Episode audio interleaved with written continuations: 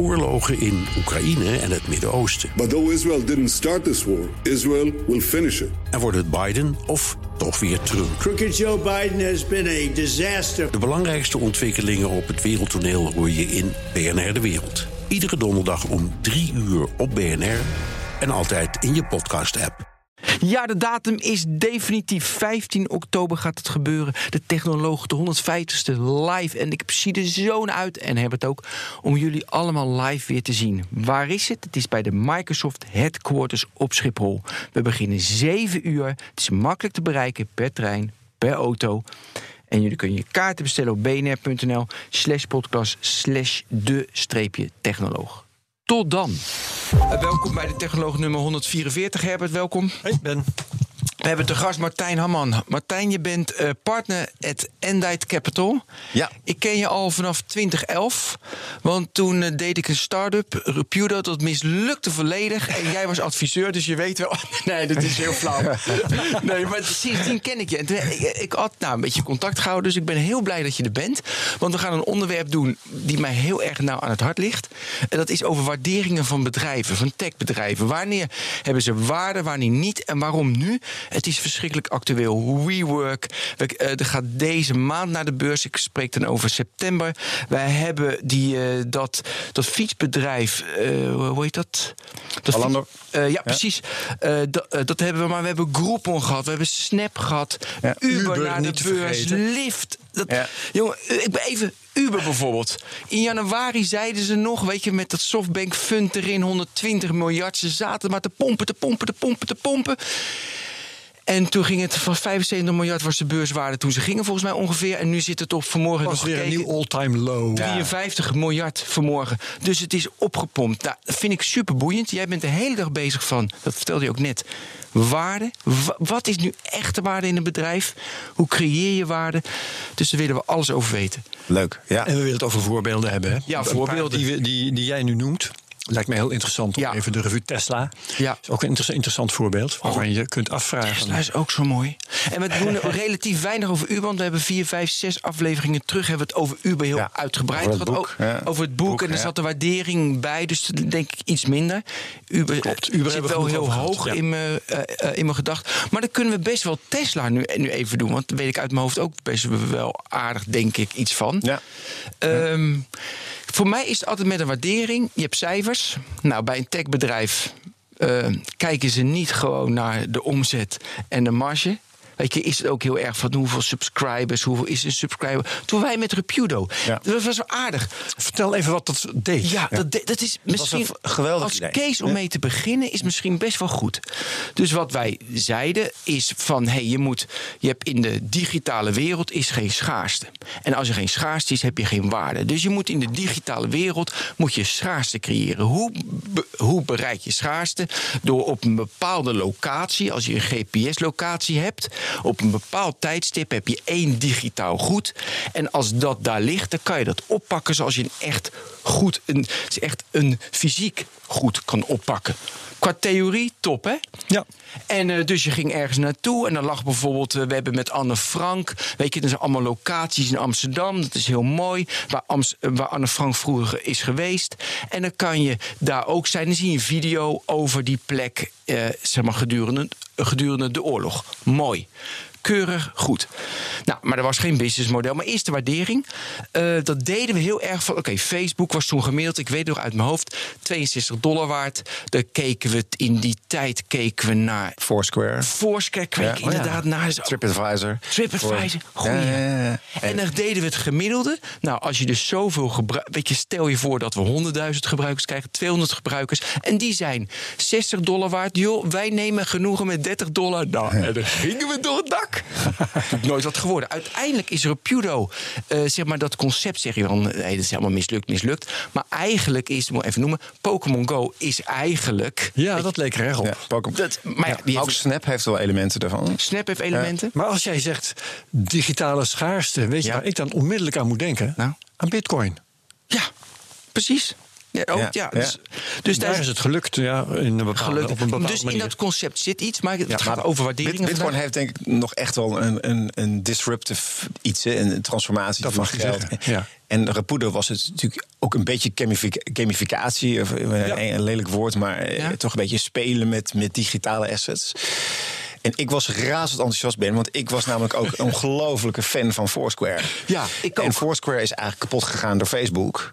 Maar Foursquare was eigenlijk veel leuker. Je kon de burgemeester, de burgemeester worden van een bepaalde plek. En, en, en, en, er ging iemand anders jou dan weer Ja. van die plek afhalen. En eh, het was heel geinig. Maar het businessmodel was ook bij Foursquare toen heel slecht overgegaan. Hebben die nu een puur locatie Ja. data businessmodel. Die verkopen hun locatiedata. Net als TripAdvisor dat Ja, ook ja, doet. ja. En Eh. dat was trouwens ook de tijd dat gezegd werd... word eerst maar groot, hè, dat businessmodel komt later wel. Daar moeten we het Twitter ook over hè, hebben. Twitter. Ja. En toch heel nog even over Foursquare. Want ik nog steeds, weet je, als ik op vakantie ging, keek ik altijd op Foursquare in welk restaurant ik moest eten. Altijd Foursquare. Maar nu is het wel zo dood. Weet je, het is zo slecht. Nu kijk ik ook gewoon op Google. Ja. Ja, ja oké, dit even tussendoor. Eh, dus die waarderingen, eh, eh, dat was heel, of is dat heel gebruikelijk? Dat je kijkt naar de grootte, zoveel is de Ja. waarde van een. Ja, de trak, ja, kijk, het begint natuurlijk met iets wat tractie heeft in gebruik.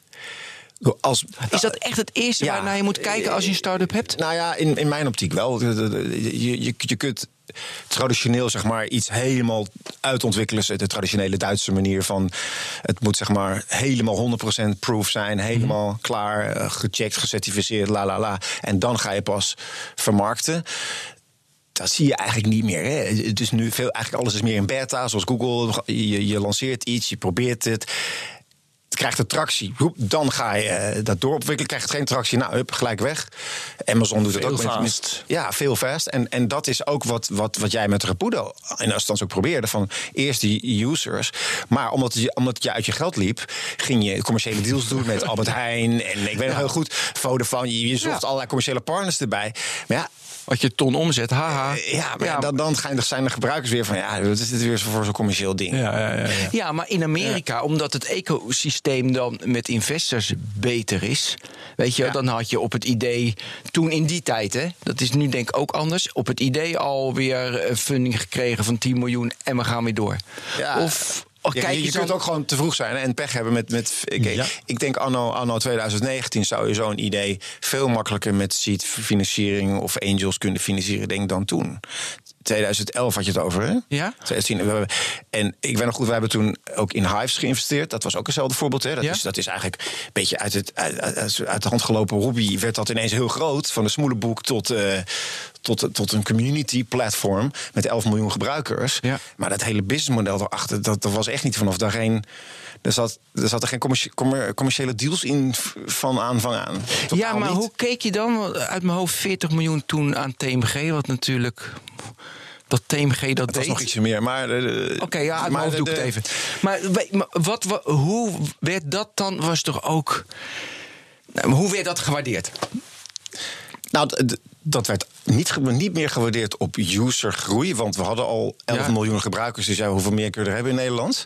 En dat werd veel meer gewaardeerd. Oké, nu ga je het commercialiseren. Uit, eh, bijvoorbeeld combineren met eh, dating, combineren met een marktplaats, combineren met advertising. Meerdere businessmodellen in die community plakken. Eh telco deals, dus je kon bellen met je andere huisvriendjes. Eigenlijk Al die dingen die Facebook nu ook doet... werd, werd toen in 2010, 2011 werd dat door Hives eigenlijk al gedaan. De Telegraaf zag er ook in dat daar met hun platform ook mogelijkheden toe zijn om het verder te commercialiseren. Maar daar ging het niet meer over user groei. groei. Het ging, Nee. wel meer, ging wel meer over uniek, de echte dagelijkse gebruik van. Ja, we Ja. hadden geloof ik 5, 5 miljoen echt actieve gebruikers. Dat was al best wel heel veel. En- actieve gebruikers. Ja, maar wat jullie toen, of ja, ik zeg jullie, maar wat, wat toen de, de Telegraaf vooral helemaal eh, over het hoofd heeft gezien, dat was dat Hives al lang bezig was overvleugeld te worden door Facebook. Ja, dat, eh, maar goed, dat weet je natuurlijk nooit. Je, je hebt van die eilanden, net als Asterix en Obelix... je hebt van die eilandjes of dorpjes die heel lang kunnen voorbestaan. Kijk maar naar Xing in Duitsland. Ja. Eh, kijk maar naar... Ja, is naar, dat naar- lang, er zijn, ja. er zijn best wel Europese Bestaat platforms. nog? BlaBlaCar. eh Ja, Xing is zeer succesvol op de beurs. Ja, Heeft nog heel lang, weet nog bestaan, dat- maar in, in Azië geloof ik, of, of Ja. Brazilië of zo. Orkut is geloof ik in Brazilië. Ja, en ook in die tijd, ook in die tijd had je, eh, Ja, je had. Bibo in de UK, in Engeland. Wat, je had ehm, ehm, ehm, ook Amazon, of eh, ook Microsoft had een social network. Dus de- er waren best wel social Ja. networks die konden bestaan. Ja. Ik denk, maar goed, nu gaan we het over verleden praten. Ik denk waar het misging met de HS en de Telegraaf is dat het niet echt in de DNA werd geplakt van een Telegraafgroep. Dat een, een digital executive in de board bij een Telegraaf die ook echt die transformatie wil doorpushen. Het was meer een soort van acquisitie die erbij werd Ja. gedaan.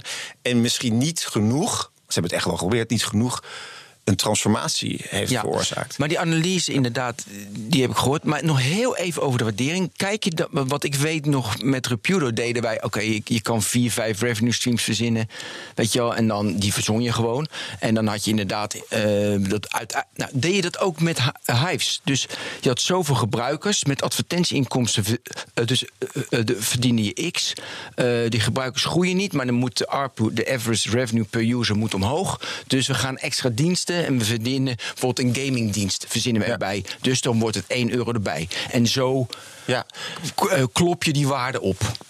Ja. Eh, Dus Dat- werkt dat, dat- inderdaad zo? Ja, dat is, dat is ook daadwerkelijk gebeurd. Want het was een winstgevend bedrijf. En er zaten ook inderdaad gaming en video zat er allemaal in. Ik denk achteraf gezien zou je kunnen zeggen... hè, ook even hand in eigen boezem... van misschien hadden we gewoon vol, vol door moeten financieren met heel veel geld. Dus heel veel extern kapitaal, ook uit het buitenland... om het te globaliseren. Alleen op dat moment Dat had veel eerder gemoeten. ja, maar dat- dat- het, het, het, het tech-systeem, het tech-platform van Hive was ook, Dat was niet goed, Was natuurlijk was heel goed, Ben, was heel goed, maar niet, ik dacht dat niet voor goed 6 was. miljard gebruikers. Ja, nee, oké. Juist. Het was relatief heel schaalbaar. Uiteindelijk van uit de hand gelopen smoelenboek Ja. dat het 11 miljoen users aan kan, is eigenlijk een wonder. Wonder, ja. Dat zegt eigenlijk heel veel over de kwaliteit van. ja. Maar niet, zes, maar niet 2 miljard of 2,5 heeft Eh, Nee, en, en als je, dan had je echt de totale pivot moeten doen in de, in, in, in de, in de tech-structuur om die global eh, Ja. Expansie te doen. Maar ja, weet je, het is allemaal achteraf. Het was Daarom- een zeer groot succes. En ik denk dat er ook qua innovatie, ik geef het altijd als voorbeeld, als, als innovatie, waren zij echt jaren voor op, op de Facebooks van deze wereld. Mm. Wat is nou eh, het oudste voorbeeld? Want we hebben een aantal voorbeelden genoemd: hè? Eh, Uber en Groupon en Snap en Ja, eh, ja. WeWork. Daar komen we straks nog wel op. Maar wat is nou het oudste voorbeeld van zo'n opgeblazen en tot, tot mislukken gedoemde start-up die eh, toch een, een hele hoge waardering bereikte ten onrechte? Ehm, nou, je had bijvoorbeeld Ju- Juiced, misschien kan je het nog herinneren, Joost. Kan je dat herinneren? Het videoplatform. Oh, ja. Wat was, dat ook weer? Was dat een soort Skype of zo? Ja, daar zat het- een van die Skype-jongens staat er erin. Ja. Er erin. En dat was ongeveer alle venture capitalists van de wereld wilden erin.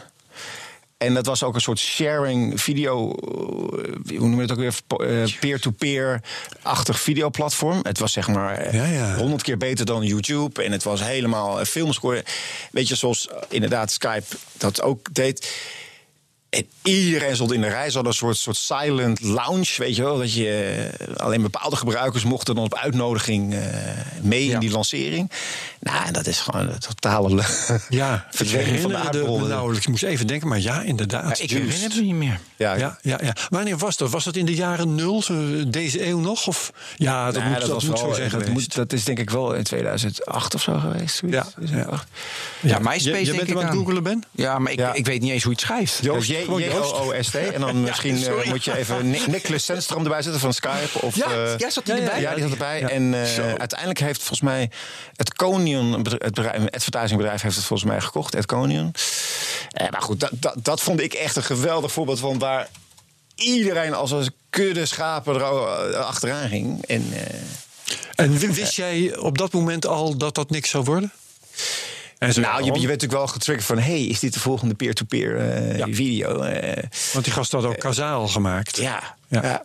Maar er zat ook, ook kijk, wij, wij, we hebben een, content-achtergrond. eh, Ja. Dus er zitten al, al een heleboel reguleringsaspecten en, en problemen bij. Van oké, hoe werkt het dan? Eh, kan je dat überhaupt op een legale vorm groot maken? Dat, dat, dat probleem had Spotify in het begin ook. Maar omdat de publishers erbij waren, was Spotify een gelegaliseerd muziekplatform. Ja. En dat, dat zie je natuurlijk bij Netflix ook. Het is allemaal professional content. En YouTube was in het begin natuurlijk totaal illegale content. Mhm. Dat hebben ze wel gefixt. Ja. Ik wil even... Ik weet niet of je het al gevonden bent, maar Nee, dat... dat, dat J-O-O-S-T. Ja. En dan doe ik Dat is videoplatform. natuurlijk moeilijk googlen. En dan doe ik Ja, return. En dan zie ik eh, Joost. Ah, hier. Ik heb het, de wiki zelfs achter ben. Ja? nu herken ik het logo ook. Het is eh, eh, tot eh, release in 2008.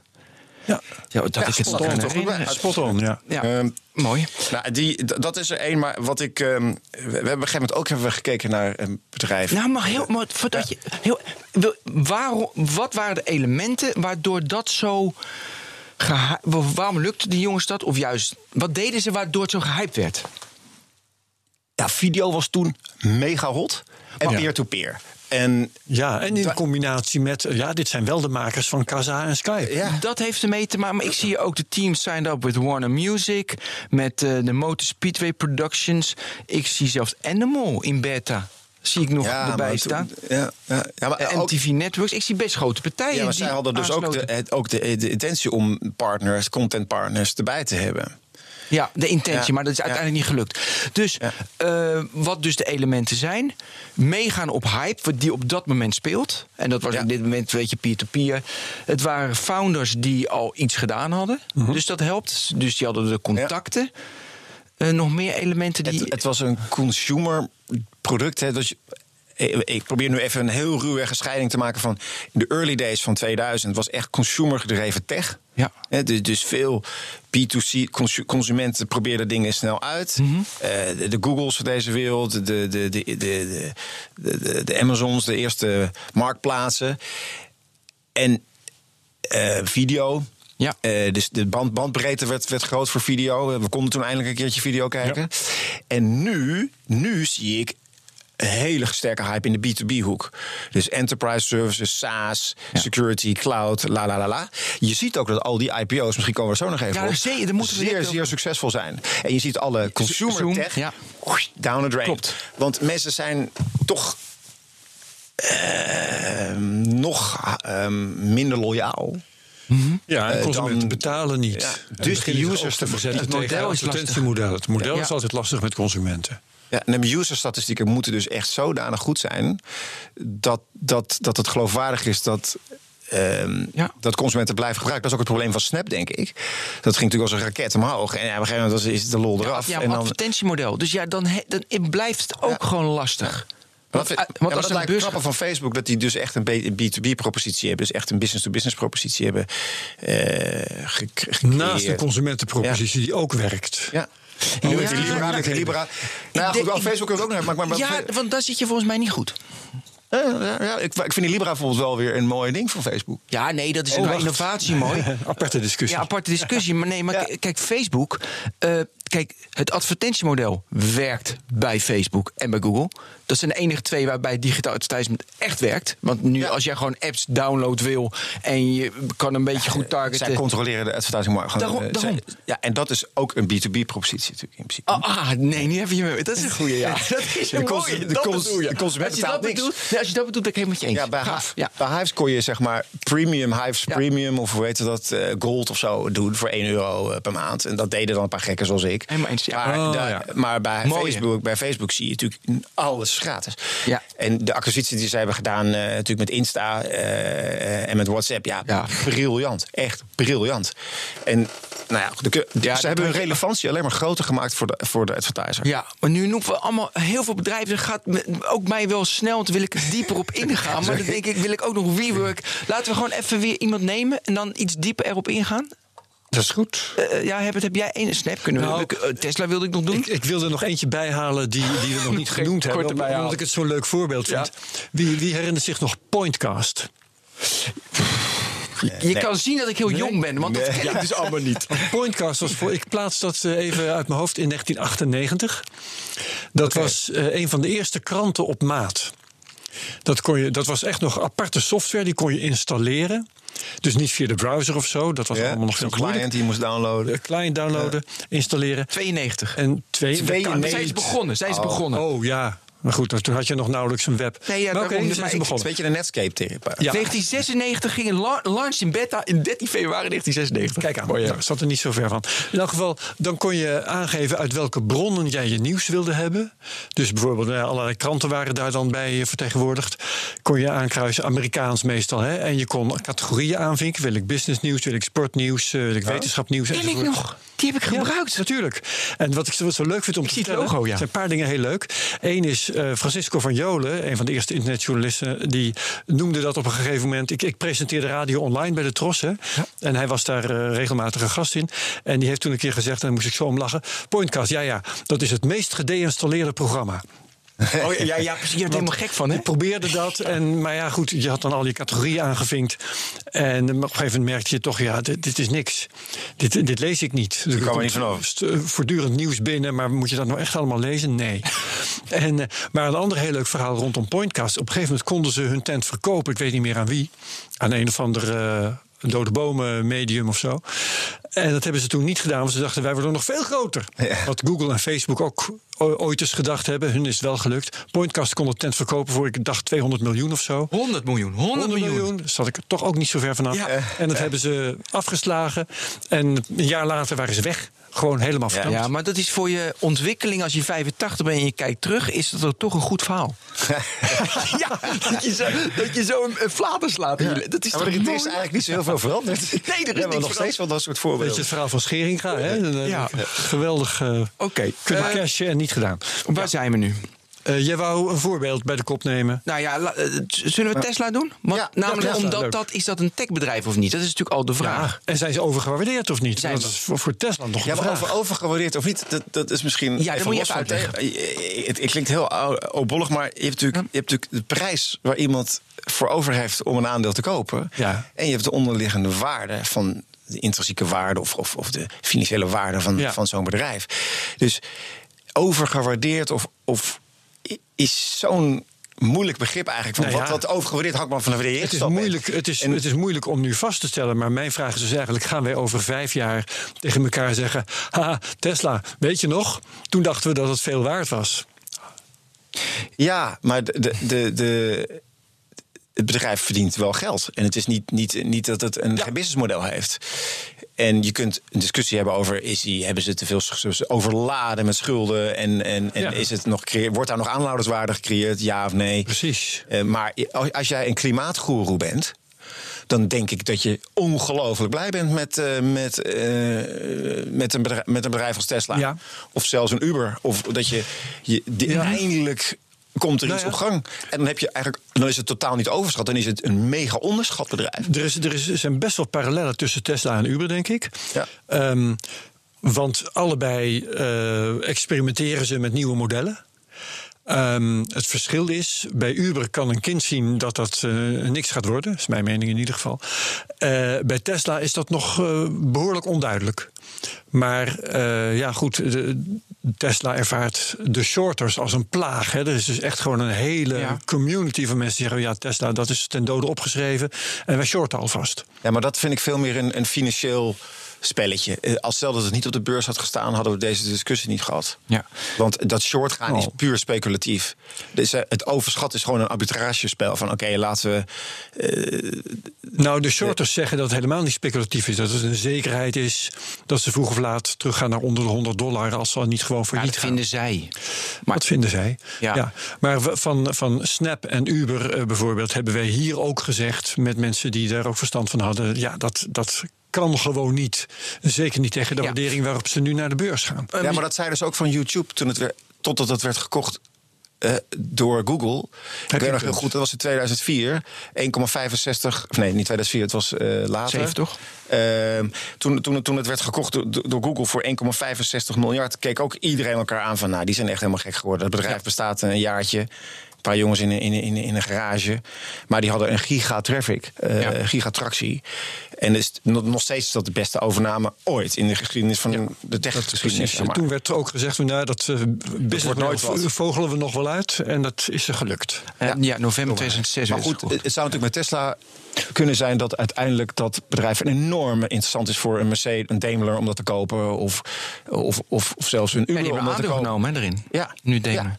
Hoewel ze dat ook wel weer, ook wel weer gebruiken om nu hun eigen. Ja, weer te Eh, leren. En Nou ja, ieder- Elke zichzelf respecterende autofabrikant is bezig hetzelfde trucje uit te vinden. En daar hebben ze verder Tesla niet voor nodig. Behalve de wetenschap dat het blijkbaar kan.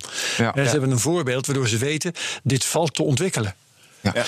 Maar ze hebben allebei een mobiliteits. Als je zegt Tesla is een mobiliteitsbedrijf en Uber is ook een mobiliteitsbedrijf, het is niet een autobedrijf, het is een mobiliteitsoplossing. Zo kun je ook naar kijken. Mhm. Dan zijn die twee bedrijven best boeiend. Maar- maar- ja, Ja, maar ja, oké. En dan kun je vervolgens zeggen: eh, het verkopen van mobiliteit puur. Eh, dus wat Uber, wil- Uber wil van zijn chauffeurs af, hè, want die chauffeurs zijn dodelijk voor het businessmodel. Ja. K- daar heb je een perfecte self-driving car voor nodig. En eh, er zijn heel wat verstandige mensen die zeggen van, nou, dat is nog de vraag of dat gaat lukken, jongens.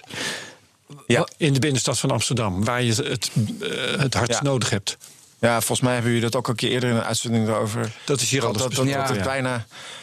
Maar goed, je had, je had het over overschat en onderschat. Ja. Eh, ehm, nou weet je, ja, dat is eigenlijk. eh, je kunt meer zeggen van ja, is het. Is het, eh, is het wat. Is het over. Is het, het, komt het tegemoet aan je verwachtingen? Ja. Dat is een heel andere invalshoek. Ik wil zeggen, ja, eh, misschien voldeed het niet aan mijn verwachtingen. En als je daarom mensen zeggen het is overschatten. Uber, ja, we hadden verwacht dat het de wereld zou veroveren. En nu blijkt het gewoon een, een beetje boeverige tent te zijn. eh, net als bij WeWork. En, Maar ja, en- kijk, en- lukt het ze om in, inderdaad een rol te spelen in alle van A naar B mobiliteit, van, van eten naar eh, mensen, naar vracht. En lukt ze dat echt? En ze kunnen dat op een platform zo doen dat het efficiënter, sneller en beter gaat. Ja, nou ja, dan hebben ze inderdaad een rol en dan zijn ze 120 miljard waard. Alleen dat lukt ze dus niet, want die, daar hebben ze voor nodig een zelfrijdende auto, want de chauffeurs zijn te duur.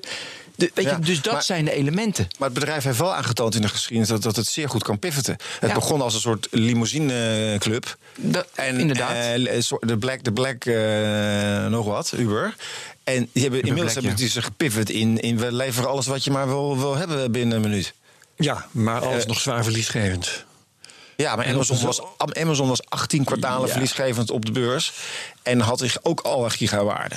18 kwartalen. En 18 hoe lang kwartalen. bestaat, eh, bestaat Uber intussen? Ja, ook twee zoiets? kwartalen. Nee, Uber bestaat geen twee kwartalen. Ja, op de beurs. Op de beurs. Oh, ja, ja. Ja, Ja, maar oké. als ik, ja, ja, oké, maar als je die grafiek van Amazon is wel interessant, hè, want ze waren verlies, maar net, ze, me- meestal lul, ze hielden altijd een nullijn aan, want alles werd weer in customer satisfaction eh, geïnvesteerd, en die omzetlijn ging natuurlijk strak omhoog. Dus je, ja, dan heb je wel weer. Dan Ja. heb je dus KPI's. Waar, waar jij natuurlijk, daar kijk je naar andere dingen. Niet alleen eh, dus naar winst, maar naar andere dingen. Dat je denkt van oké, daar wordt wel waarde gegenereerd. Ja, want als je toen keek naar Amazon, dacht iedereen dat is een boekenclub. Een abonnementsservice voor boeken. Een soort ACI Ja. boekenclub. En nu is Amazon een cloudbedrijf.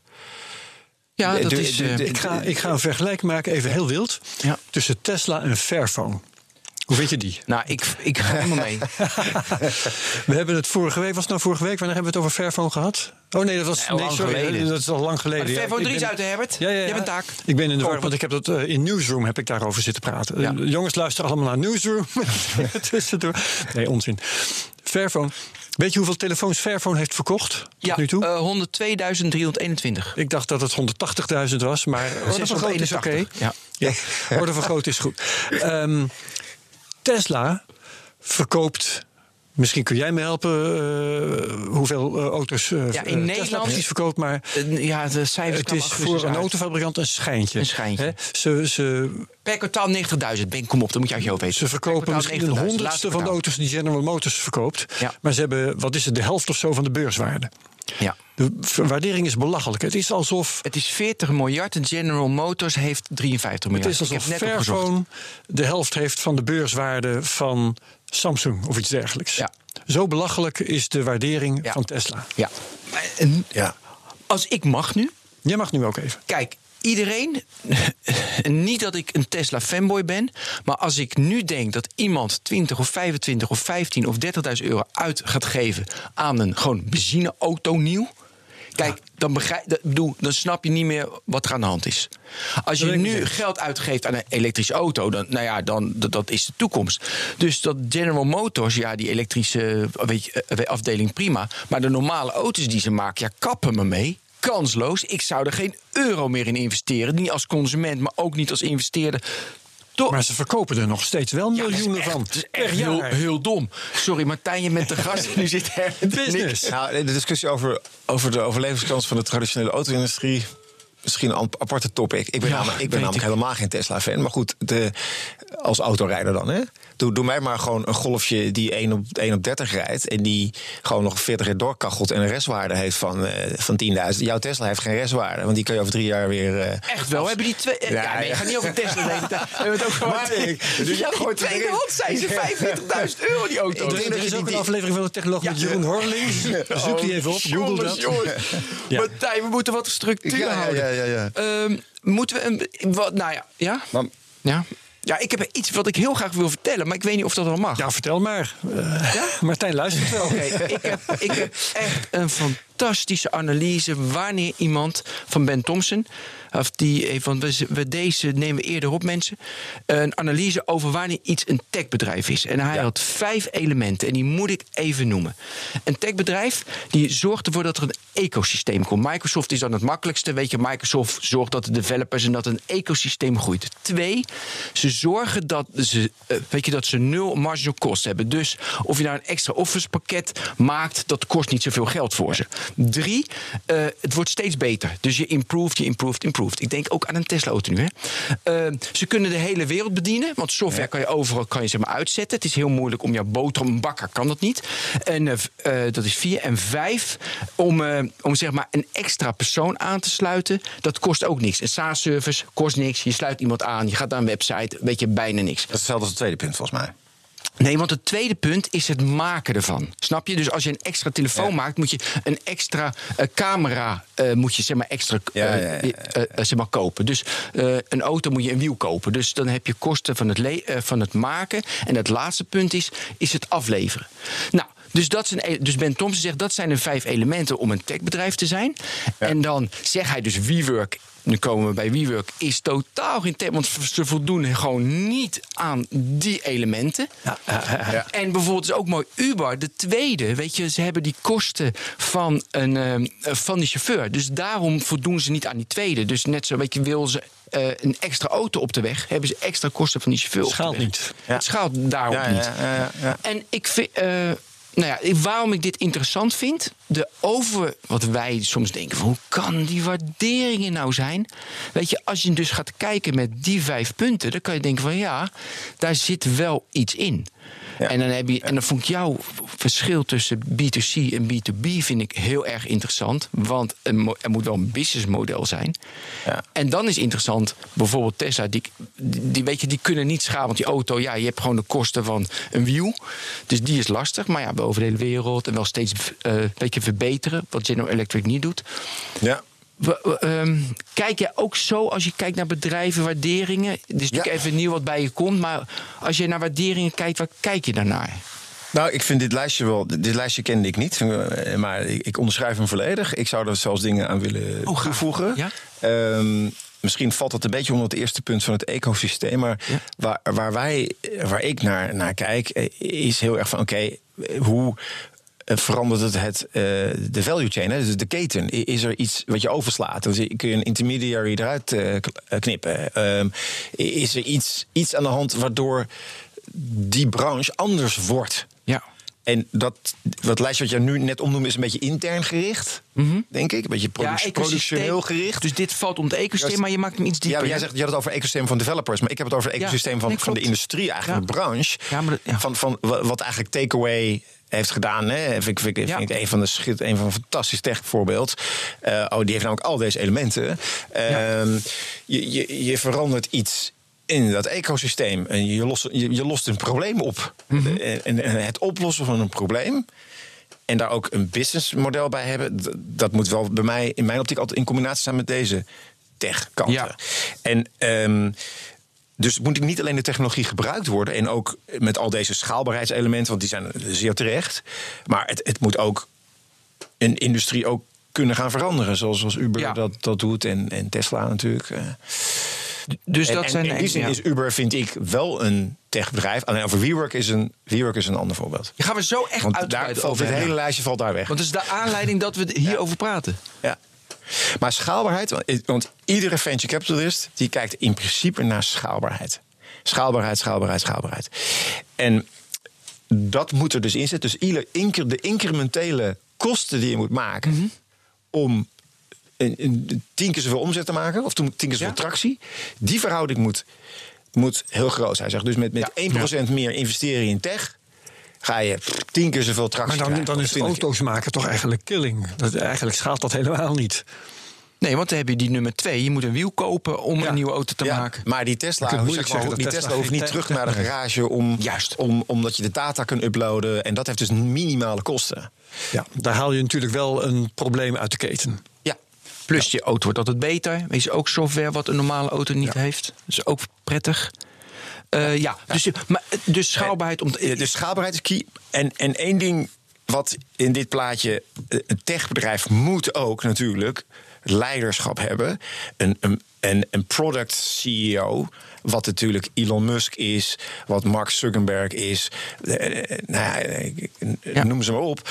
Ja. Er moet ook een soort. Mar eh, en vergeet, niet, vergeet natuurlijk niet eh, Steve Jobs. De, de, dat was natuurlijk geen techman in, in. Het was natuurlijk een, een tech-freak. Maar het was geen developer. Nee. Maar het was wel een soort van product CEO. Zo. En, en dat moet echt in dit lijstje er ook bij staan. Want als je het niet kunt verkopen. Als je niet op de bühne het verhaal kan vertellen. Kun je nog zo'n mooie tech hebben, onze Juiced. Of jouw Rapudo. Ja. Maar je, moet het wel over de bühne krijgen. Ja. Oké, dus die, de, de schaal, ik wil even over die schaalbaarheid. Moet het altijd schaal. het- Je kan toch ook eh, in een niche, jij, je hebt je, je publiek, moet even eh, iemand verzinnen. En je ARPU gaat inderdaad omhoog. Want op een gegeven moment, net, zo, eh, net zoals bij Facebook, het is klaar met je schaalbaarheid. Bij Apple, het is klaar met de schaalbaarheid, want iedereen heeft die telefoon. Dus kan je ook niet investeren dat je denkt van oké, ik probeer even een, klei- een kleinere niche schaal te hebben. Van je, eh, dus je doelgroep is vast, maar ik geef heet het zulke nieuwe mooie services. Ik probeer in tech nu iets te verzinnen, ik kom er niet op. Nou, bijvoorbeeld die Libra bij Facebook. Of Insta. Ja, precies. Eh, Je dat zijn ja, allemaal dingen. Je, je, hoeft- je hoeft niet meer heel eh, hard, je, hoeft- services. ze hoeven niet meer hard te rennen om nog users erbij te krijgen. Nee, bedoel, daarom. Het wordt gewoon door je door strot geduwd straks. Dat zie je ook met die messenger. Ja, ik haat die messenger van Facebook. Maar het wordt gewoon door de strot geduwd. Ze maken het Ja. onontkoombaar. Ja, dat is toch fantastisch vanuit technologie-optiek. Briljant. Ja, maar jij zegt bij een techbedrijf: jullie investeren erin als het schaalbaar is. Maar eh, Twitter is ook een mooi voorbeeld. Weet je, ze zeggen Twitter, weet je, want dat ging het vlak Ja. af. Maar dat heeft een hele mooie doelgroep. Mensen vinden eh, een bepaald 202 miljoen active volgens mij op dit moment. eh, eh, ja, 200 miljoen, nee? ja, zoiets toch? Ja, maar Het, het, is, er zit natuurlijk niet echt een businessmodel bij waar Meer. investeerders warm van worden. Nee, het is een nee, soort dat schiet niet op. Nee. witte, witte mannen, witte Maar- mannen app. Maar ko- komen Witte oude mannen app. Komen we nu, ja, precies, ja. Komen we nu niet op een voorbeeld van een niche die gewoon een bepaalde doelgroep heeft? Oude witte mannen bijvoorbeeld, of hele jonge kinderen, waar- waarvan je weet van, hé, ik, ik, ik heb zoveel differentiatie kan ik verzorgen waardoor ik wel interessant ben voor investeerders. Dat het niet ophoudt. Ja, ik kan ze op ja, misschien Nee, ik, vind, ik vind Facebook echt een goed voorbeeld. Die gingen naar de beurs en het klapte gelijk helemaal naar beneden. Want het was natuurlijk zo'n consumer ding wat, wat Ja. iedereen dacht dat het een soort hype, luchtbel. Het, het, het wordt niet Ja, echt nee, niet de- overgewaardeerd. Het, over- het wordt echt niet de nieuwe Google of de nieuwe Amazon. Nou, mooi dus wel. En eh, Ja. door hun, door hun non-stop zoeken naar, naar users, Insta, WhatsApp, mobile, mobiele Precies, users. dat- dat was de Hebben zij zeg maar eh, toch wel een draai gemaakt. En nu hebben ze, weet ik veel, 2 miljard gebruikers. 2,5, dat is niet 2,5 normaal. En nu kunnen ze gaan, nu kunnen, zij kunnen die blockchain. Je kunt discussie hebben over of dat Facebook nou de launching partner van, van de Libra moet zijn. Maar eh, als iemand de kaart in handen heeft, zijn zij het wel om dat te doen. Ja. Ja. Maar volgens mij kunnen wij ons nog niet voorstellen wat er nog voor businessmodellen en innovatie in dat bedrijf nog, nog is. Nee, precies. Want er zit heel knap. Want even terug naar Hives. Weet je, Hives kon die beetje pivots. Die kon niet iets nieuws verzinnen. En dat natuurlijk mobiel is gelukt bij Facebook. En dat advertentie aan hebben gezet. Dat het lukt, is knap.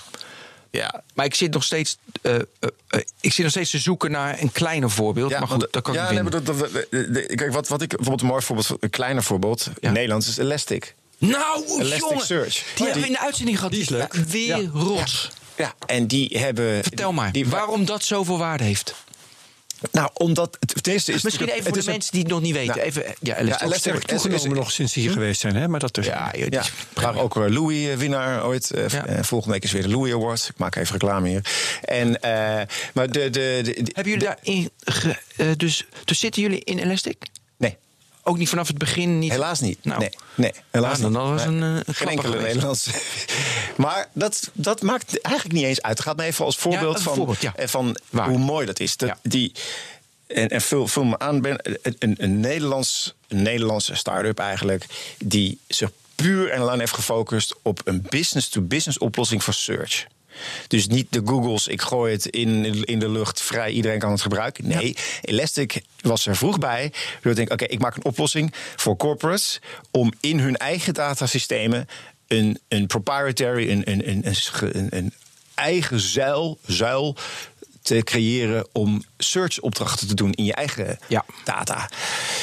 En dat is eigenlijk een beetje geruisloos een, een heel mooi techbedrijf eh, geworden. Ja.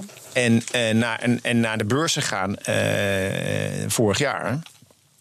Ja, en, en, eh, ja, en, Maar en, en eigenlijk, op de, ze, ze staan nu 20% hoger dan, dan een jaar geleden. Eigenlijk best wel tegenvallend in mijn optiek ten opzichte van bijvoorbeeld Adyen. Eh, Wat ook een fantastisch techbedrijf is, business to business. Wat, wel, wat ja, ook diezelfde IPO heeft gedaan in hetzelfde jaar. Maar goed, even los daarvan. Ik vind ja. Elastic heeft, heeft al die elementen die je net noemt van Ben, ben, ben, Ja. van ben Thompson. Die hebben ze allemaal. Dat klopt. Het enige wat zij misschien een beetje missen is, is de marketing story. Die marketing story. Ja, want die CEO die jij noemt, die eh, ook Ben Thompson, maar die noemde jij wel. Ik denk Adyen heeft wel de marketing power, weet je, Adyen, de- maar dat moeten ze ook, hè? Omdat ik denk dat de concurrentie op dat vlak, weet je, met Stripe, is wel een stuk hoger dan, ja, het is gewoon Elastic voor intern, het is Google voor extern. Het is voor mij, ja, misschien zullen anderen zijn, maar dat, dat beeld heb ik dan. Maar Elastic was misschien een beetje een, een beetje gebaseerd, meer nerdachtige ja. eh, start-up. Ja, zeker. Under the radar screen, maar Absoluut. ongelooflijk knap. Ja. En Adyen, die waren natuurlijk al wat meer gepokt tegen Maas. Die hadden al eerder een exit gemaakt. Die hadden al, die hadden al ja, wat ouder. En, eh, maar goed. Ja, dus als ze dan bij jou komen, dat hebben ze niet gedaan. Maar stel je voor, ze hadden wel funding nodig. Want ze hadden natuurlijk gewoon gelijk betalende klanten. Nou ja, nee, want ze hadden pas betalende klanten. Hun model is natuurlijk op services en op specifieke elementen maken voor een bedrijf. Dus het model was best wel lang Ja. vaag. Maar dan had jij gekeken van hoeveel businesses ze aansluiten, hoe snel dat gaat. En het businessmodel had je moeite mee gehad, denk ik. Zeg maar Nou, vijf jaar geleden. Waar, nou, welke element had je gekeken? Nou, ik denk niet zozeer dat we moeten. Ik denk, kijk, er zijn meerdere techbedrijven die ook services een beetje doen om, om, om, de, om de boel in leven, om in leven te blijven, zeg maar, en, en door te rollen. En uiteindelijk een meer en meer productized, schaalbaar pro- propositie te hebben. En dan pas naar venture capital te gaan. Dus dat zie je vaker. Eh, dat, ehm, ik denk waar de meeste VC's misschien moeite mee hebben gehad van, eh, eh, of van dit, dit kan Google eigenlijk ook wel doen. Ja, dat denk ik. En dat is zo'n dooddoener. Echt heel irritant. Maar het is wel vaak wel zo. Hoe- toch Google, Ja, die maakt- Facebook en we hebben Apple. Dus wat, Ja. wat doe je nog in deze Als in Google dit had geval- vaak een Google business to business hadden ze het ook kunnen doen. In dit geval heel effectief, want iedereen zegt ja, natuurlijk, natuurlijk gaat Google dat doen. Weet Ja. je wel? Tuurlijk kies je voor Google als, als eh, business. Maar het is ook een dooddoener. Eigenlijk moet je dat nooit tegen iemand zeggen van... oh, Google kan het ook. Want ja, dat, dat is niet heel analytisch. Ja. Want ja, BNR bestaat ook. Ja. We zitten hier nog steeds in de Eh, ja. studio. En het kan ook, Google had ook kunnen doen. Google kan alles namelijk. Google is alwetend, alheersend. Oké. eh, Maar nee, er, ja. zijn, er zijn wel meerdere mooi. Ik vind, ik vind bijvoorbeeld, eh, wat ik ook een mooi voorbeeld van, nou, het zijn er talloze, maar, Nee, is bijvoorbeeld eh, Zoom. Nou, Dus, nou, eh, nou. Zoom is naar de beurs gegaan eh, een paar maanden geleden. Nu, eh, in, in, en nu staat ze 40% hoger. Dit is een mooi school, schoolvoorbeeld van. Communicatie, hè? Ja, het is video. Het, is, eh, het, is, het is business to business. Hoewel je het ook als consument gratis kan gebruiken. Eh, het, het, het, eh, het, het, lost, het lost een probleem op dat het gewoon technologisch gezien daadwerkelijk veel beter is dan andere eh, video conference solutions. Alle grote, de Microsofts van deze wereld hebben ook Zoom-achtige oplossingen. Ja. Maar die kosten dan godsvermogen voor corporates en SME's. Ja, ik vind het best wel knap dat je in een, waarvan, waarvan je zou zeggen, een overcrowded market, hè, van video hosting of video conferencing, Videoconferencing. dat zij dat toch dat gaatje hebben gepakt. Ja. Maar gewoon omdat het technologisch gezien gewoon echt beter Ja. is. Dat is echt technologisch beter. En wat ik, ik mooi ook vind, de manier waarop ze naar de markt gaan. Zoals Atlassian doet met Jira bijvoorbeeld. Dus, en wat ook Dropbox heeft gedaan. En wat ook, eh, wat ook ehm, nou, Sketch eigenlijk ook. Eh, wat ze doen, een subliem product maken... waardoor mensen op de werkvloer zeggen van... dit wil ik gebruiken, dit Ja. is echt fantastisch. wil ik eigenlijk wel weten, eigenlijk twee vragen in één. Waarom zijn ze niet gewoon gekocht door een of andere partij? Ja. En de ander, waarom eh, hebben de partijen die al een product hebben op dit gebied... eh, hun product niet gewoon zodanig verbeterd... dat ze Zoom meteen uit de markt drukken? Kan iemand dat verklaren? Martijn? Die kan, ja, ik ook, maar Martijn kan dat beter ja, Ik verklaren. denk dat Microsoft gewoon denkt van ja, weet je, de, de, die hebben de grote oplossingen. Voor, eh, en, en, eh, je hebt ook Skype voor business. Oh, En, en wij, gebruiken- wij gebruiken ook Skype voor business. nee, niet doen. Skype is Nee, verschrikkelijk. nee, maar, maar even, en waarom doen bedrijven dat? Omdat het ja, natuurlijk een geïntegreerde solution is. En je hebt al je, hebt al je, je. Microsoft. En, en, en, en, weet je, en, Oh. en, en, en dan komt Zoom. En iedereen, gaat, en iedereen gaat stiekem toch Zoom gebruiken bij ons op kantoor. Ja, oh. Want eh, je gaat er toch lekker omheen. En dat doen alle ICT. Ik denk dat veel werknemers in, in bedrijven gewoon buiten de ICT-afdeling om hun eigen Zoom-client downloaden. Maar dat is qua sales. Sales vind ik zo mooi. En daarna gaan ze betalen. En dan komt er een, een salesman van Zoom. Van, Dus joh, het we hebben een model, hè? Ja, het- Mensen gebruiken het eerst thuis. Ja. ja. En stiekem op, op het werk. En op een gegeven moment gaan ze zeggen: van, nou, hoor eens even, kunnen we dat niet gewoon krijgen van, eh van hoge hand? Ja. Maar ik, Ja. denk, ik denk ook omdat eh, de focus zit gewoon natuurlijk. Weet je, dat, is- kijk, ik waarom ik Skype even een rant had tegen Skype, sorry daarvoor. Maar weet je, ik heb ooit natuurlijk in, in eh, 1989 een Skype-naam aangevraagd. Maar Ja, ik, ja. ik heb nu natuurlijk ook een Office 365 abonnement. Probeer dat maar eens met mijn oude Skype-naam, gewoon privé. Ko- Kan niet. Ja, Het is gewoon onmo- ik moet altijd opnieuw inloggen, paswoord aanvragen, ik word helemaal gek van. Ja, nou ja, diezelfde ervaring heb ik ook met business. Ik heb ook een Skype-account. En dan denk je van, nou, nu heb ik Skype voor business. Ja, precies. Dan zou je denken, nou, Exact. dat, dat koppel je wel even. Ja, dat koppel- nee, je moet dus, eh, ook als, Oh, je men- moet dat? ook als je mensen uitnodigt. Want wij, we hebben natuurlijk talloze videoconferences per dag van mensen die willen pitchen. Ja. Die moet ik eerst een, een, een Skype voor business accountje gaan sturen. Ja. Nou, het werkt kortom. Ja, ik, het zal vast wel briljant. De, de kwaliteit is waarschijnlijk honderd keer beter van je, je, je Skype. Maar wij komen er niet achter. Wij komen er niet achter. Hoe dan? Hoe dan? we dwalen af. Ik wil Ja. niet Skype, Skype bashing Nee, ik doen. ook want niet, helemaal het- niet. het- Het Maar flauw. Zoom was dus eh, een voorbeeld Zoom- voor jou. Ja. En, en nou, er zijn er natuurlijk, maar kijk, grosso modo zijn er, in mij betreft, veel voorbeelden van business-to-business enterprise oplossingen. Ja. die totaal niet overgewaardeerd zijn in mijn optiek, maar wel.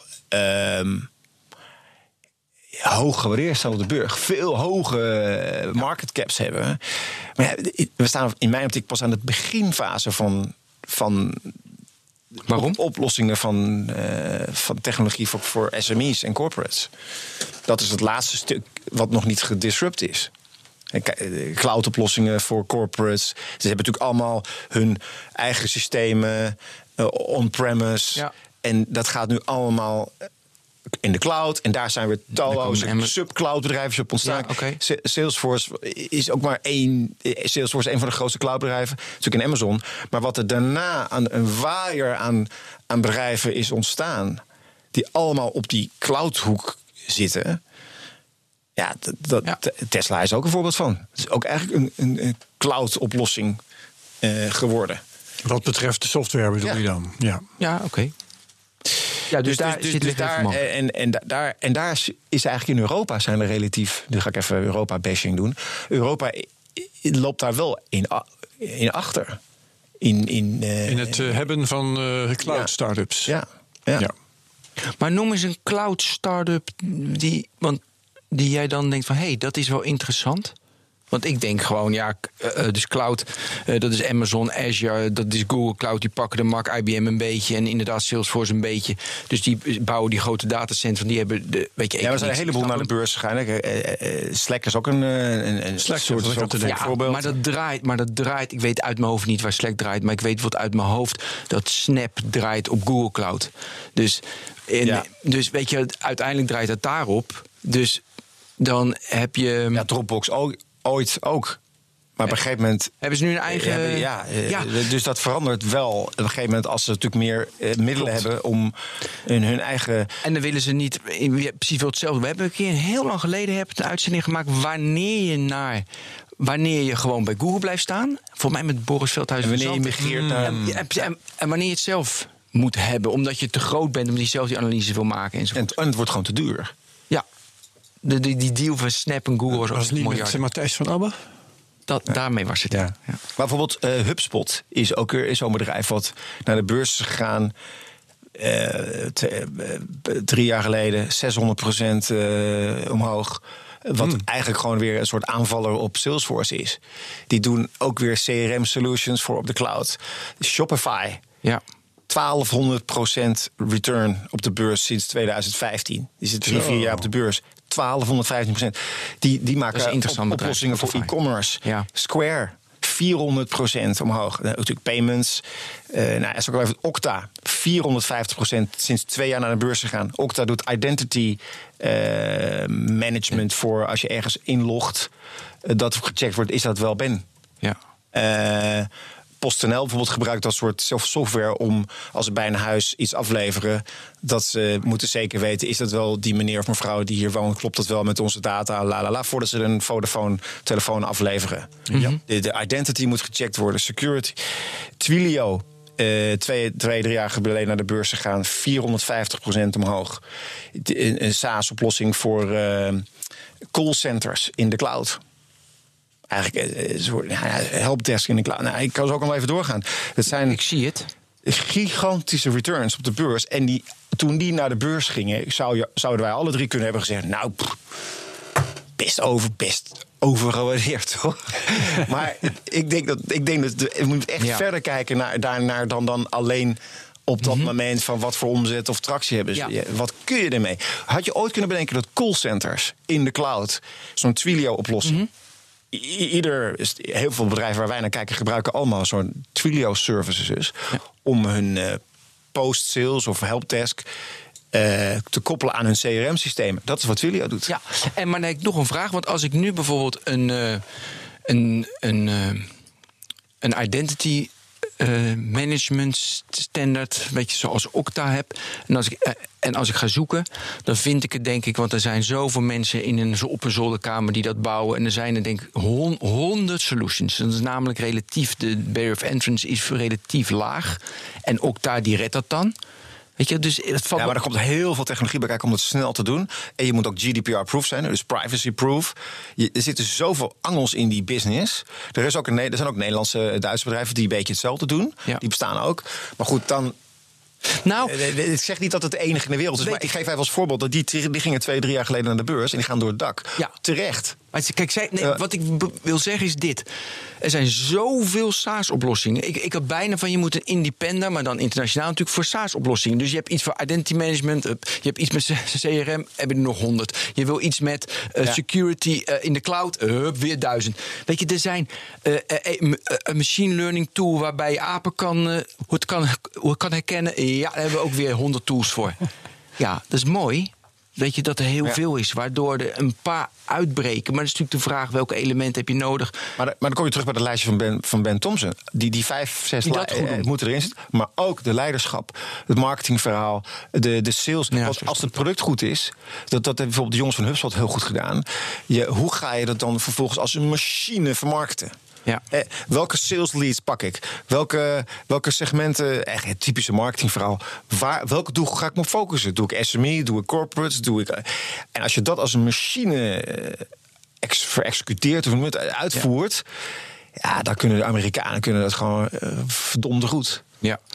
En, en, en, en dat, dat doen die Octa's en de HubSpots van deze wereld en de Shopify's. Dat zijn gewoon machines in executie van sales en marketing. Ja.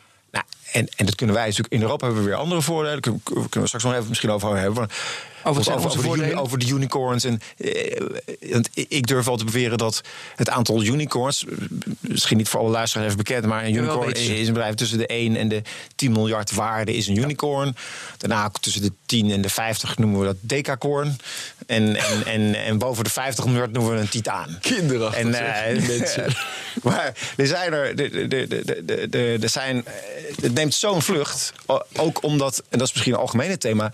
De, e- de economie gaat ook natuurlijk al in een rap tempo vertechnologiseerd, zeg maar. Ja.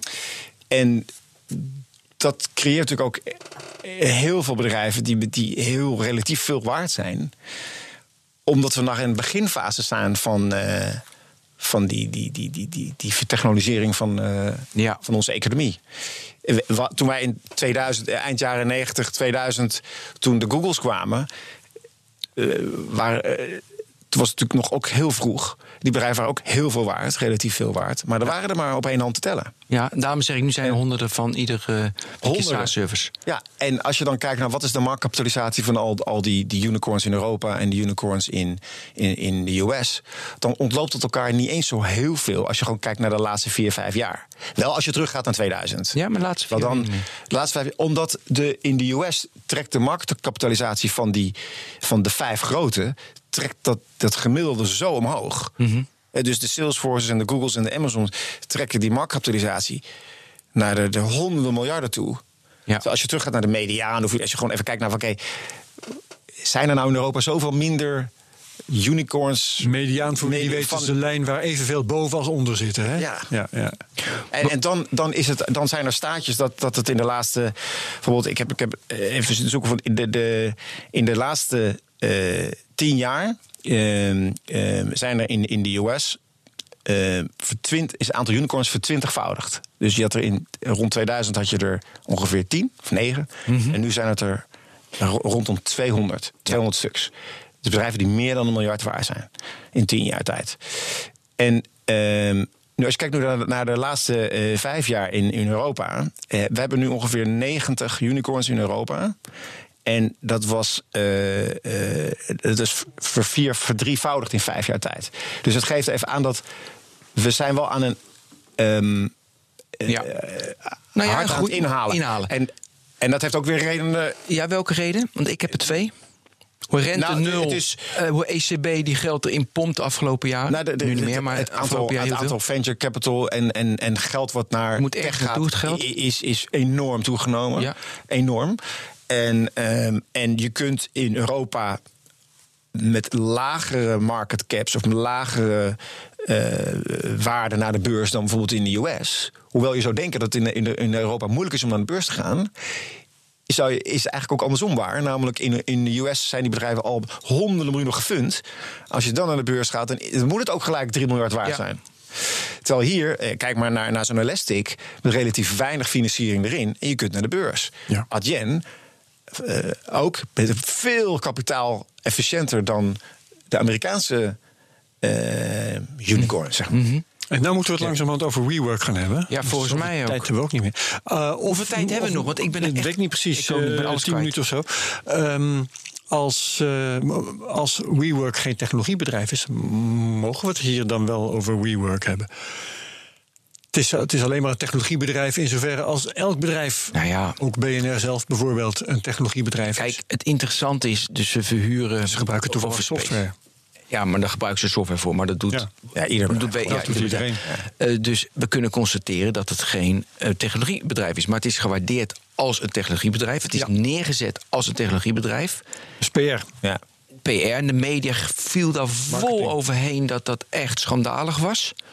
Echt Ja. een hilarisch stuk eh, in de Verge. Ik zal het in de show notes zetten. Echt gigantisch goed. Ja, ja, ik heb hem ook gelezen. Ja. die, die wordt heel tot, tot de bodem wordt dat bedrijf afgefikt. Ja. En terecht. Terecht? Ja, terecht. daar, is, daar is journalistiek voor geboren. Bedoel je ook qua businessmodel? Want daar ging het ook over. Hè? Dus, eh, Ja. ging hoofdzakelijk over het businessmodel. Ja, ook de hele prospectus werd doorgeakkerd. En, eh, Zo goed. Maar het is een soort self-fulfilling prophecy. Wat natuurlijk de, de SoftBank, een van de grootste eh, investeerders ter wereld. Japan. Eh, Japans bedrijven. En, en eh, eh, die, die zitten over, ongeveer overal in.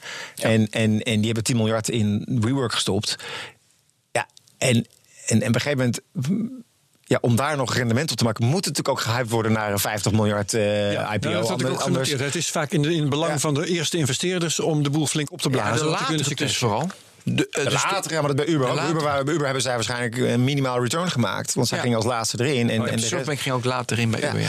Dus, maar ik vind dat, dat, dat zegt nog steeds niks over WeWork. Dat heeft dus meer te maken met de financiering ervan. En de aanlouders Mhm. die willen eh, een beetje opblazen om naar de beurs brengen. Om, om eh, nog ergens rendement te maken. En, en, en die pakken nu allemaal de wave van... oké, we moeten nu naar de beurs, want eh, we hebben nu dat momentum. Maar dat, dat vind ik, dat zegt nog steeds niks over de kwaliteit of van een bedrijf à la Uber of WeWork. Nee, maar het is wel belangrijk om vast te stellen dat het een patroon is. Hè? Want je had dat bij Groupon, je had dat bij Snap, je had dat bij Uber en je hebt het bij. Ja, maar dat patroon geldt misschien voor die vier. Ik kan ook nog 90 bedrijven waar, noemen waar het niet zo was. Oké. Ja. Dus ik, ik, kijk, Groupon is natuurlijk nee, die is Mhm. Ja, 90% dat is- omlaag geknald na de IPO sinds Ja, Ook 2011. weer opgekrabbeld sindsdien wel, hè? Eh, ja, Een beetje. Maar even, Snap ook. dus terug naar WeWork. Een van de elementen die jij net noemde was de CEO. En dat stond ook heel mooi in dat stuk. Die CEO bij WeWork, die trekt alles uit. Dat, die, alle belangenconflicten die je maar kunt verzinnen, die heeft hij neergezet. en, eh, ja, en, en eh, kijk, als je, naar, als je naar een beurs gaat, als je naar de beurs gaat, dan, dan is er een aantal elementen waarvan je denkt: oké, het helpt, het helpt niet als je dat doet. Dus het helpt bijvoorbeeld niet als je alleen maar bestaande aandelen verkoopt. Dus eh noemen ze een secondary. Als je nieuwe aandelen uitgeeft, een primary of een uitgifte, een emissie, Ja. dan wordt er nieuw vers kapitaal opgehaald in het belang van de onderneming. Als je een secondary doet, dus eigenlijk het veranderen van bestaande aandelen, dan gebeurt er eigenlijk, het bedrijf wordt er geen, geen, Dan zit je alleen geen wijzer van. Je, je, gaat eigenlijk, het geld gaat van de ene aandeelhouder naar de andere aandeelhouder. Ja. Dus het bedrijf wordt Ja. er geen stuiver wijzer van. Dat is precies wat bij WeWork gebeurt. Er worden bestaande aandelen verhandeld, punt. Dus dat helpt niet in het verhaal. Soms doen ze voor de vorm nog een klein beetje emissie om. eh, maar ja. eh, om mensen blij te maken. Het, het, wat ook niet helpt, is dat er, dat er een hele familie ongeveer aandeelhouder is en tevens leverancier en of klant. En dat je assets uit het bedrijf, eigen assets uit het bedrijf haalt en vervolgens weer terug verhuurt. Ja. Weet je, dat, dat zijn ook van die grappen die. Dat, ja, misschien moet je dat. Of je moet het een paar jaar voor de beursgang doen, maar niet een maand ervoor. Ja. En het, alle haren gaan dan natuurlijk omhoog van belangenconflicten. Maar op zich gebeurt het wel vaker dat natuurlijk de DGA's, de directeur-eigenaren, hun Jawel, die eh, ook activa uit het bedrijf halen. eh, Omdat het, het gewoon Ja. ooit zo begonnen is. En, nou, wat ook niet helpt, is als er geen stemrecht op de aandelen zit. Dus alleen maar certificaten en je verder niks te zeggen. Oké. Dat komt bij techbedrijven natuurlijk wel vaak. Vaak, ja, eh, dat is bij Nee, maar Facebook alles ook. bij eh, is het een hele bunch rode vlaggen. Dat ja, is maar, maar bedoelt. dan nog is het natuurlijk heeft Facebook de, de luxe gehad om dat niet te hoeven te doen. Maar je ziet ook wat voor problemen dat oplevert met Mark Zuckerberg Ja. later. Klopt. Nee, maar goed, dat is wel dat is ook weer tech. Wat ook niet helpt, is dat je geen onafhankelijke mensen in je board hebt. Geen onafhankelijke chairman. En echt, echt een derde die geen aanlouder is. Ja. Nou ja, en, en dan heb je het nog over. eh, wat ook niet helpt, is dat je geen grote aandeelhouders erbij hebt. Dus soms heb je pensioenfondsen of grote aandeelhouders die, die, gaan niet, die flippen niet dat aandeel over drie maanden weer eruit. Ja. Die blijven gewoon lang erin. En nou, eh, zo zijn er talloze voorbeelden. Er zijn die voorbeelden, maar dan, dan kunnen ze dat toch beter af. eh de- de gaat, dat wordt toch niks, die beursgang dan? Van Ja, Wii, heet het. De Nou Wii Company. Greater Fool. Ja, maar ik geloof ook dat de PR-machine nu eh, dramatisch is van WeWork. Eh, en, eh, Dat is killing. ja, ja, en eh, doodzonde, want misschien is het een hartstikke mooi bedrijf. En misschien moet je niet voor 50 miljard naar de beurs gaan, maar voor 20 nou, miljard naar de dat beurs. bedoel ik. En dan heb je een fantastisch verhaal voor iedereen. Maar eigenlijk is dan de softbank, Son Sam, de eigenaar daarvan, misschien dan, dat is eigenlijk dan iemand die. Ja, maar dat is bekend. Je weet van tevoren, als je Softbank aan boord haalt, dan weet je ook waar je aan begint. Is het verhaal Dus- eigenlijk afgelopen? Ja, zij, eh, kunnen je maken en kraken. Ze noemen het ook de Big Stack Bully. Hè? De, dat was soms ook in het artikel. Zij zetten zoveel muntjes in op de pokertafel... dat eigenlijk iedereen van de pokertafel wegloopt van ja... Is te veel. Het is te veel. Ja. Ja. Maar Dus dat- eh, dan, dan nog denk ik, Sof- Softbank... eh, wij worden ook wel eens, een van onze portfoliobedrijven wordt ook wel eens door Softbank gebeld. En dan krijg je natuurlijk een ontzettende warm gevoel van: wauw, als die bellen, weet je, dan kun je die IPO alvast gaan voorbereiden. ja. Dat is een enorm En dan ben je eerder fantastisch. geweest dan hun en dan zit je dus eigenlijk goed. Wat een compliment. De- Gewoon de, Ja. de, de, de Uber, de Uber, de, de, de Uber-tech-investeerder van de wereld. Ja. Heeft, je, heeft je gebeld. Maar je weet ook dat ze. De- Nou- de terms. eh, ja, Die zijn zo heftig, waardoor er problemen ontstaan. Waarbij je overwaardering. En kijk, het mooie vind ik van tech dat mensen gewoon hele mooie dingen willen maken. Gewoon hele mooie producten. Daar hebben we het ook over. Die CEO, die, hey, een productman die iets moois wil neerzetten. En door zo'n een softbank, dat zie je in wie, ja, dan wordt het gelijk weer. Dan gaat het er Ja. totaal niet meer om. Dan gaat het erom eh, of je 1000 of 1001 euro hebt verdiend. Ja.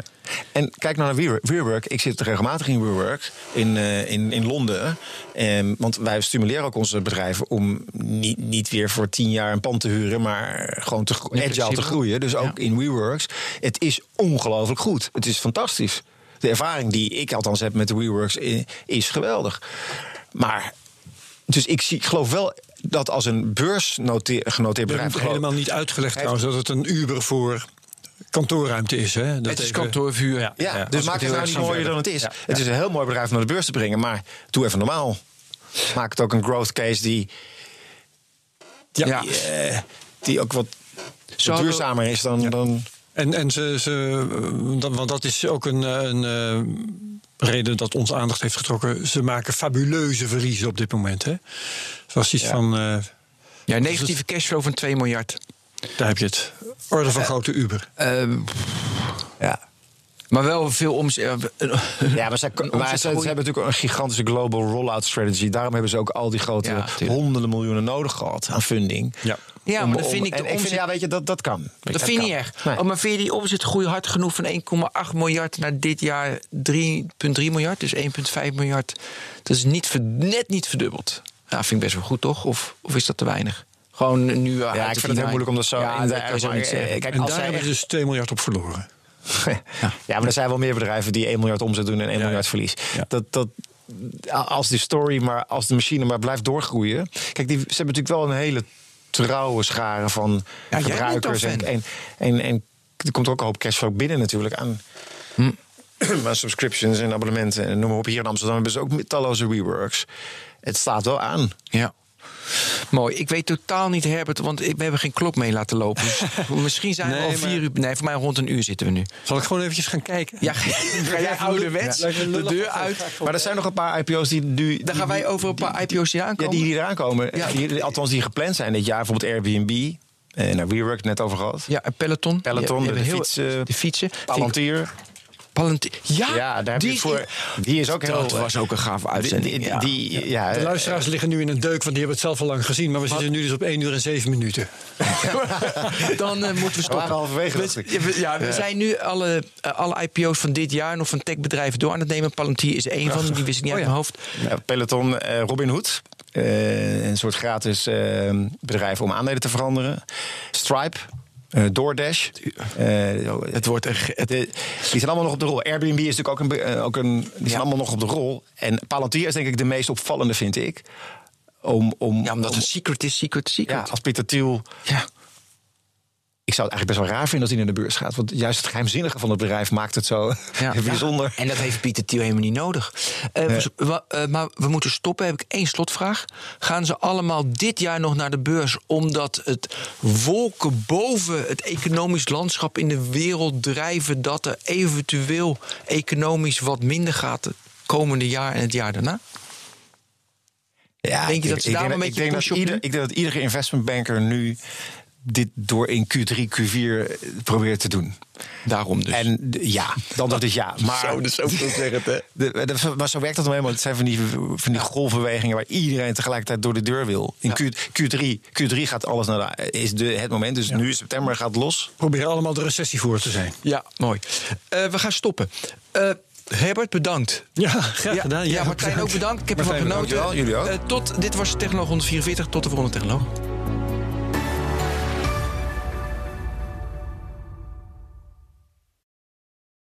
Ook Bas van Werven vind je in de BNR-app. Ja, je kunt live naar mij en Iwan luisteren tijdens de ochtendspits. Je krijgt een melding van Breaking News. En niet alleen onze podcast Ochtendnieuws, maar alle BNR-podcasts vind je in de app. Download nu de gratis BNR-app en blijf scherp.